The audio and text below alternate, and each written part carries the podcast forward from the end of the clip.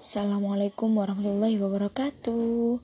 Bertemu lagi dengan saya Elzanur Azura dari Stikes Kepanjen. Saya dari kelas bilingual.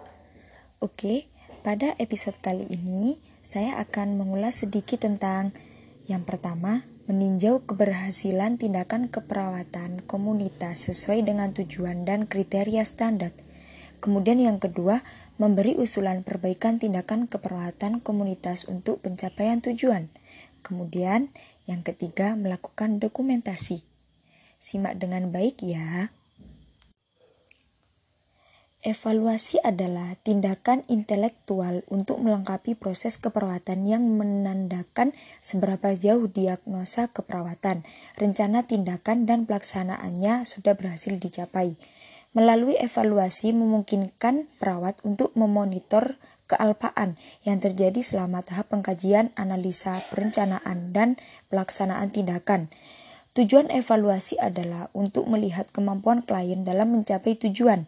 Hal ini bisa dilaksanakan dengan mengadakan hubungan dengan klien berdasarkan respon klien terhadap tindakan keperawatan yang diberikan, sehingga perawat dapat mengambil keputusan. Yang pertama, mengakhiri rencana tindakan, yaitu klien telah mencapai tujuan yang telah ditetapkan. Yang kedua, memodifikasi rencana tindakan, yaitu klien mengalami kesulitan dalam mencapai tujuan.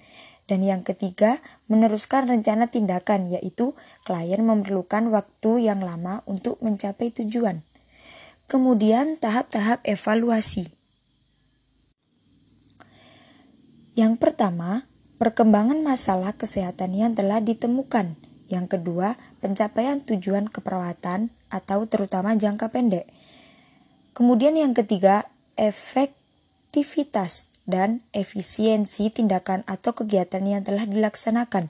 Yang keempat, rencana tindak lanjut. Kemudian macam-macam evaluasi. Yang pertama ada formatif atau proses dan sumatif atau hasil. Kemudian fokus evaluasi.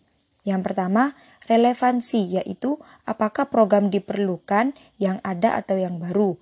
Kemudian yang kedua, perkembangan perkembangan dan kemajuan. Kemudian yang ketiga, efisiensi biaya dan yang keempat, dampak. Kemudian tingkat evaluasi. Yang pertama ada staf, yang kedua pekerja sosial masyarakat, dan yang ketiga masyarakat. Kemudian teknik penilaian.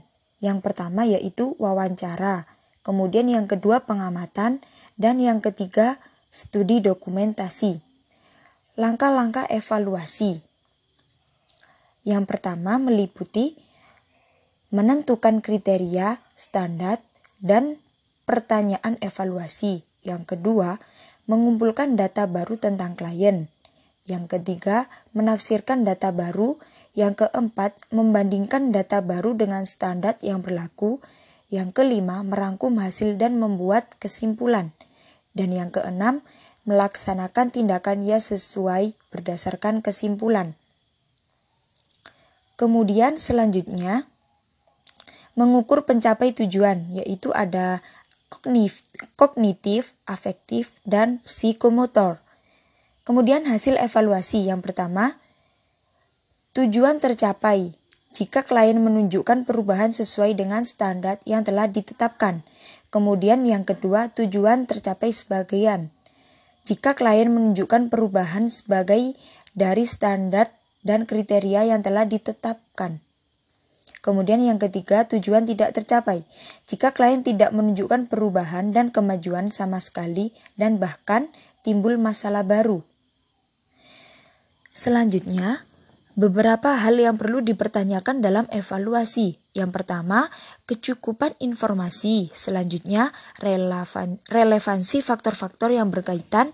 Selanjutnya, prioritas masalah yang disusun. Kemudian, kesesuaian rencana dengan masalah. Kemudian, pertimbangan faktor-faktor yang unik. Kemudian, perhatian terhadap rencana medis untuk terapi. Logika hasil yang diharapkan, penjelasan dari tindakan keperawatan yang dilakukan, keberhasilan rencana yang telah disusun, kualitas penyusunan rencana, dan yang terakhir timbulnya masalah baru. Evaluasi adalah Prosedur penilaian pelaksanaan atau hasil kerja atau dampak secara sistematis dengan membandingkan hasil dan standar, serta dengan mengikuti kriteria atau metode atau tujuan tertentu guna menilai dan mengambil keputusan selanjutnya. Tujuan evaluasi antara lain alat memperbaiki kebijaksanaan pelaksanaan program dan perencanaan program yang akan datang. Kemudian, alat untuk memperbaiki alokasi sumber daya. Kemudian, alat untuk memperbaiki pelaksanaan suatu kegiatan yang sedang berjalan dan alat untuk mengadakan perencanaan kembali yang lebih baik daripada suatu program. Dalam memberi usulan perbaikan tindakan keperawatan dapat dilakukan dengan berkolaborasi antara petugas medis yang lainnya atau pihak puskesmas, bidan desa, dan anggota masyarakat lain. Kemudian, dokumentasi asuhan keperawatan komunitas merupakan sarana komunikasi dari satu profesi ke profesi lain terkait, terkait status klien. Sebagai alat komunikasi, Tulisan dalam dokumentasi harus jelas terbaca, tidak boleh memakai istilah atau singkatan-singkatan yang tidak jelas atau tidak lazim. Juga berisi uraian yang jelas, tegas, dan sistematis. Hal tersebut dilakukan untuk menghindari disfungsi komunikasi atau komunikasi yang tidak searah dan efek samping atau dampak yang dapat timbul dari disfungsi komunikasi ini akan membahayakan keselamatan klien. Profesi keperawatan saat ini merupakan profesi yang memiliki resiko hukum, di mana kesalahan perawatan yang mengakibatkan kecacatan atau kematian bagi klien dapat menyeret perawat ke pengadilan. Karenanya, segala aktivitas yang dilakukan terhadap klien harus didokumentasikan dengan baik dan jelas.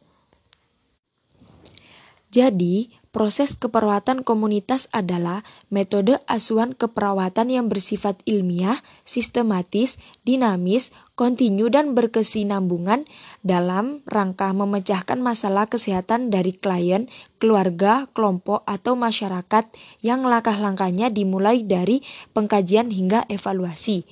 Proses keperawatan pada komunitas mencakup individu, keluarga, dan kelompok khusus yang memerlukan pelayanan asuhan keperawatan.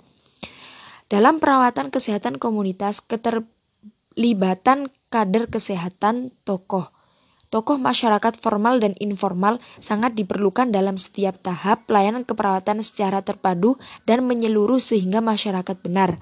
Benar mampu dan mandiri dalam setiap upaya pelayanan kesehatan dan keperawatan yang diberikan. Dalam melakukan proses keperawatan komunitas, dokumentasi keperawatan menjadi hal yang sangat penting karena dokumentasi dapat dijadikan bukti dalam melakukan suatu tindakan. Dokumentasi keperawatan komunitas merupakan suatu catatan yang dapat dibuktikan atau dijadikan bukti dari segala macam tuntutan yang berisi data lengkap, nyata, dan tercatat bukan hanya tentang tingkat kesakitan dari pasien, tetapi juga jenis atau tipe, kualitas, dan kuantitas pelayanan kesehatan dalam memenuhi kebutuhan pasien dalam ruang dalam, dalam ruang lingkup yang lebih luas yaitu komunitas. Sekian yang dapat saya sampaikan. Kurang lebihnya saya sangat mohon maaf karena di sini saya masih belajar. Wassalamualaikum warahmatullahi wabarakatuh. See you next time.